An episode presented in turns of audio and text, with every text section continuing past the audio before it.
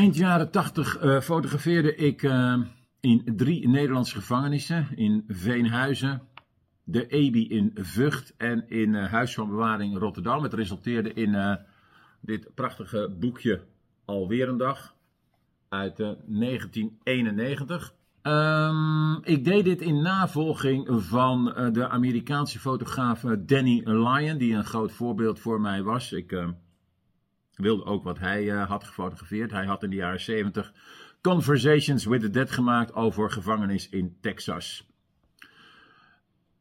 U kunt dit boek uh, cadeau krijgen als u een abonnement neemt op de andere krant met de vermelding onder de vermelding van Ad Nuis aan elkaar.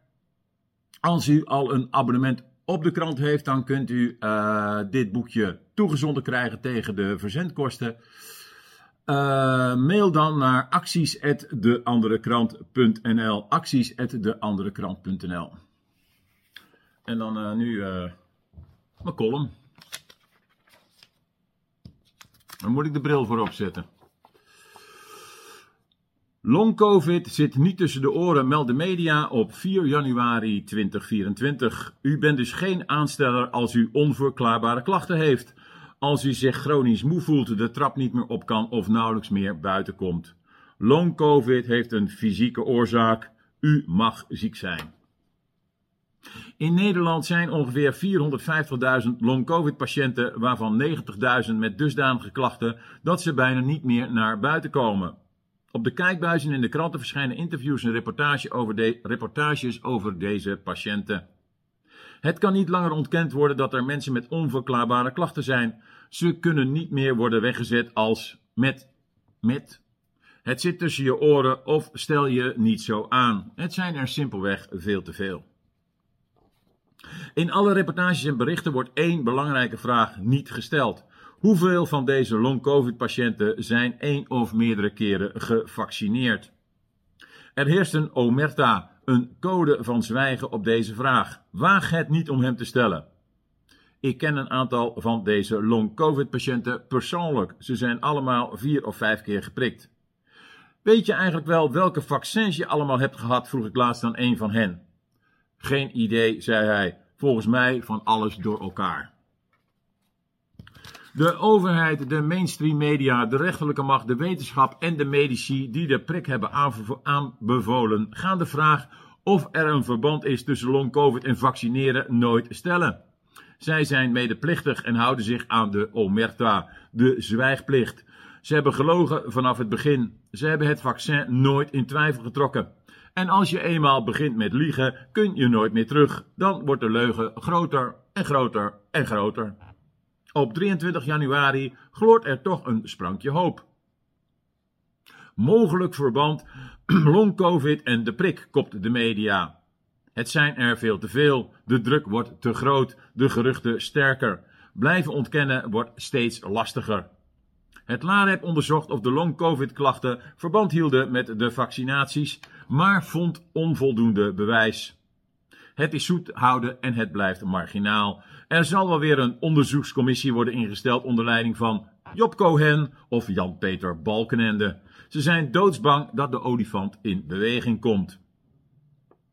De mensen met klachten durven de vraag: liggen mijn klachten aan de prik niet aan zichzelf te stellen? Het is te confronterend. Ze zijn wellicht boos op zichzelf. Waarom heb ik niet harder geprobeerd het niet te nemen? Waarom ben ik toch zo bang geweest voor een virus? Waarom heb ik het genomen om naar een café te gaan of op vakantie te kunnen? Waarom heb ik een vaccin genomen waarvan niemand weet wat het op de langere termijn gaat uitrichten in mijn lichaam? Waarom heb ik geluisterd naar de propaganda van multinationals en de staat in plaats van naar mijn innerlijke ik? Het kan toch niet waar zijn dat de overheid, de media en de wetenschap mij heeft voorgelogen? De mensen met long-covid-klachten leven nog steeds in een vorm van hypnose, in een vorm van shock. Ik vind mijzelf niet buitengewoon intelligent. Ik kon goed leren, maar zag niets in een academische carrière. Ik droomde ervan vrij te zijn, te reizen, nooit voor een baas te werken en mijn eigen boontjes te doppen. Verantwoordelijk te zijn voor mijn eigen daden, mijn eigen leven. Ik ben een onafhankelijke, toch best wel verdienstelijke fotograaf geworden. De coronazwendel doorzag ik direct. Niet omdat ik dus zo intelligent ben, maar goed kan luisteren naar mijn gevoel, mijn intuïtie. Ik was net 60 toen COVID-19 begon. Een overheid die zich zorgen maakt over mijn gezondheid, dat kan niet waar zijn. De overheid had zich nog nooit zorgen gemaakt over mijn gezondheid. Toen de gratis prikken de enige oplossing waren om uit de zogenaamde pandemie te komen, ben ik mij in het openbaar uit gaan spreken tegen de waanzin. Niets van de overheid is gratis en als het gratis is, ben je zelf het product. Dat uitspreken is mij niet in dank afgenomen. Ik ben verguisd en uitgesloten. Mensen wilden niet meer met mij geassocieerd worden. Projecten, boeken en tentoonstellingen gingen niet door. Ik ging naar demonstraties en zag met eigen ogen het geweld van de staat tegen vreedzame coronademonstranten. Geweld aangestuurd door keurige mensen als Mark Rutte, Siegfried Kaag, Femke Halsema en Ahmed Abu Taleb. En vele andere kritiekloze meelopers. Ik zag mijn voormalige collega's van de media kruipen voor de macht en vaccins aanprijzen. Ik zag rechters krompraten wat recht was en mijn eigen huisarts het vaccin aanbevelen. We zijn inmiddels vier jaar later, de hoera-stemming is verdwenen. Op sociale media kraaiden voormalige vrienden in 2021. Ik heb mijn vaccin hoor, AstraZeneca. Zo blij. Ik ook Pfizer. Eindelijk weer vrij. Ik herinner me nog de vele oproepen om de vaccinweigeraars onder dwang een gispruit te geven of te verbannen naar een eiland. Nu hoor ik niemand meer. Het is doodstil over de vaccins en de gevolgen van vaccinatie. Het is de olifant in de kamer die toch heel langzaam in beweging lijkt te komen. De meeste mensen denken nog steeds dat COVID echt bestond en dat het nu voorbij is omdat ze zijn gevaccineerd. Ze hebben bijgedragen het verschrikkelijke virus te verslaan. Dat is ze verteld. Zonder vaccin was het allemaal nog veel erger geweest. Dan hadden ze zeker in het ziekenhuis gelegen. Uw columnist behoort niet tot deze groep. Het vaccin komt niet van een dier en is ook niet ontsnapt uit een laboratorium in Wuhan. Corona is een herdefiniëring van de griep. Je hebt alleen maar de illusie van een ziekte nodig om mensen de stuip op het lijf te jagen en ze wijs te maken dat, ze dat het zonder een vaccin allemaal nog veel erger is. Het echte virus is het internet en de media. Van de griep kan je trouwens doodziek zijn. Ieder jaar sterven er duizend ouderen aan de griep. Griep klinkt onschuldig. Niemand wist nog dat je van de griep kon doodgaan. Ik heb in mijn leven twee keer de griep gehad. Ik herinner het mij nog goed, omdat ik er beide keren doodziek van was. Ik mocht in het bed van mijn ouders slapen, kreeg natte washandjes op mijn hoofd, een thermometer in mijn bil. Had angstige koortsdromen die ik nu nog kan navertellen. Iedere dag kwam de dokter langs. Ik kreeg fruitmanden thuis bezorgd en aanzichtkaarten van mijn klasgenoten toegestuurd. Mijn moeder maakte mijn favoriete gerechten om weer aan te sterken. Heldere kippensoep en kabeljauwfilet in roomboter mosterdsaus. Als het over COVID gaat, ben ik ook een ervaringsdeskundige. Begin 22 ben ik meer dan een week in een kunstmatig coma gebracht. COVID werd er bij mij geconstateerd. Ik heb er voor Café Weltsmets columns over gemaakt. Meer dan een week zweefde ik op het randje van de dood op de IC, geïntubeerd en kunstmatig beademd. Samen met Quincy, een Surinamer van 47, was ik de laatste COVID-patiënt op de IC. Beiden niet gevaccineerd. Wij waren er slecht aan toe.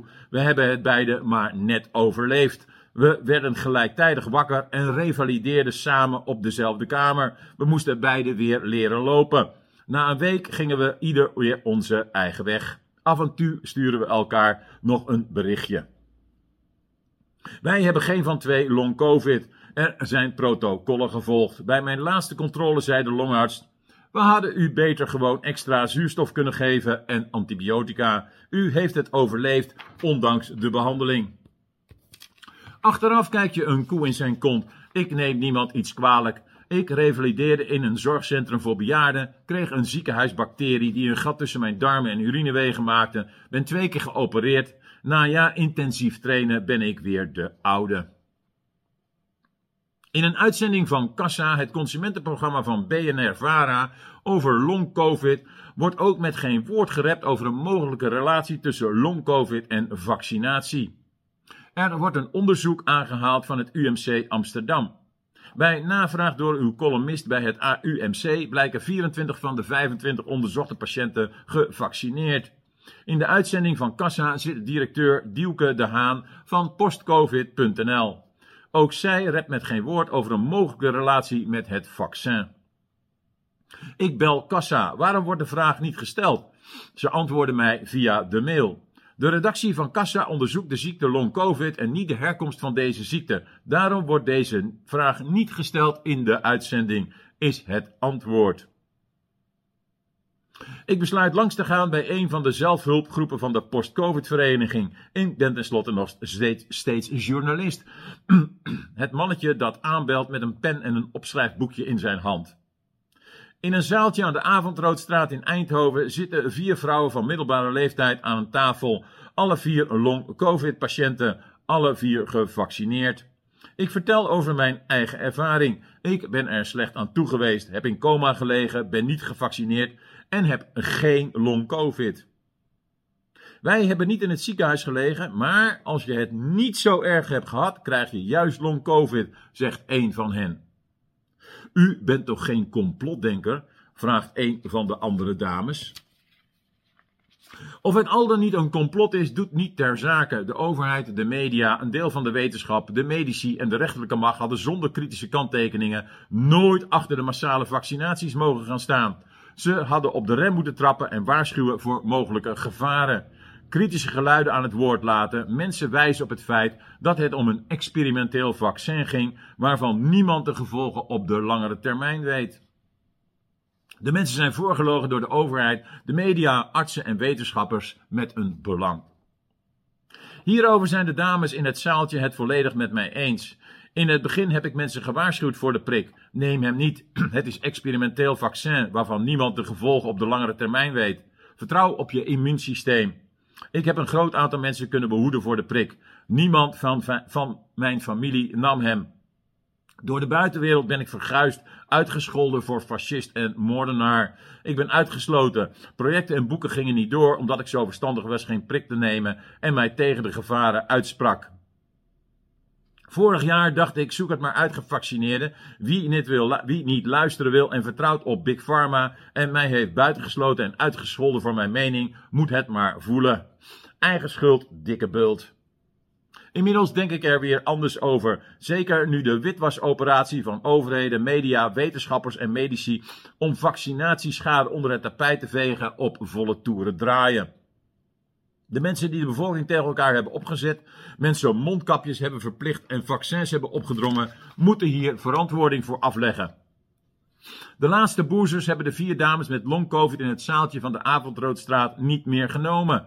Ze twijfelen inmiddels of hun klachten liggen aan covid of toch aan de prik. Na meerdere boosters zijn ze ziek geworden. Ze kennen mensen die het afgelopen jaar snelle kankers hebben ontwikkeld. De overheid en doktoren kunnen niets voor hen doen.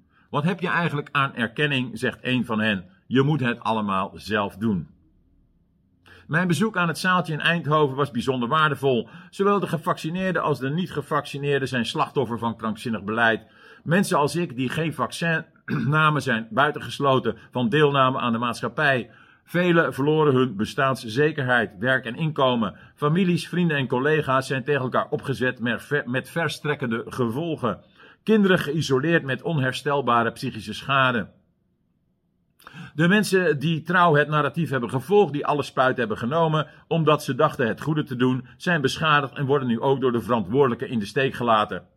De mogelijke ware reden van hun klachten wordt verzwegen en witgewassen en mag niet onderzocht worden. Al lijkt er nu langzaam dus iets te veranderen. Er moet recht gedaan worden aan de mensen die zijn buitengesloten, omdat ze zo verstandig waren geen vaccin te nemen. En aan de mensen die nu schade ondervinden door, die, door diezelfde vaccinaties. Hand in hand moeten de niet-gevaccineerden en de gevaccineerden de waarheid uiteindelijk boven tafel krijgen. En niet te vergeten, abonnementje, boekje cadeau, al een abonnement, stuur een mailtje naar de andere krant en u krijgt het boekje gesigneerd, hoogstpersoonlijk gesigneerd, thuisbezorgd.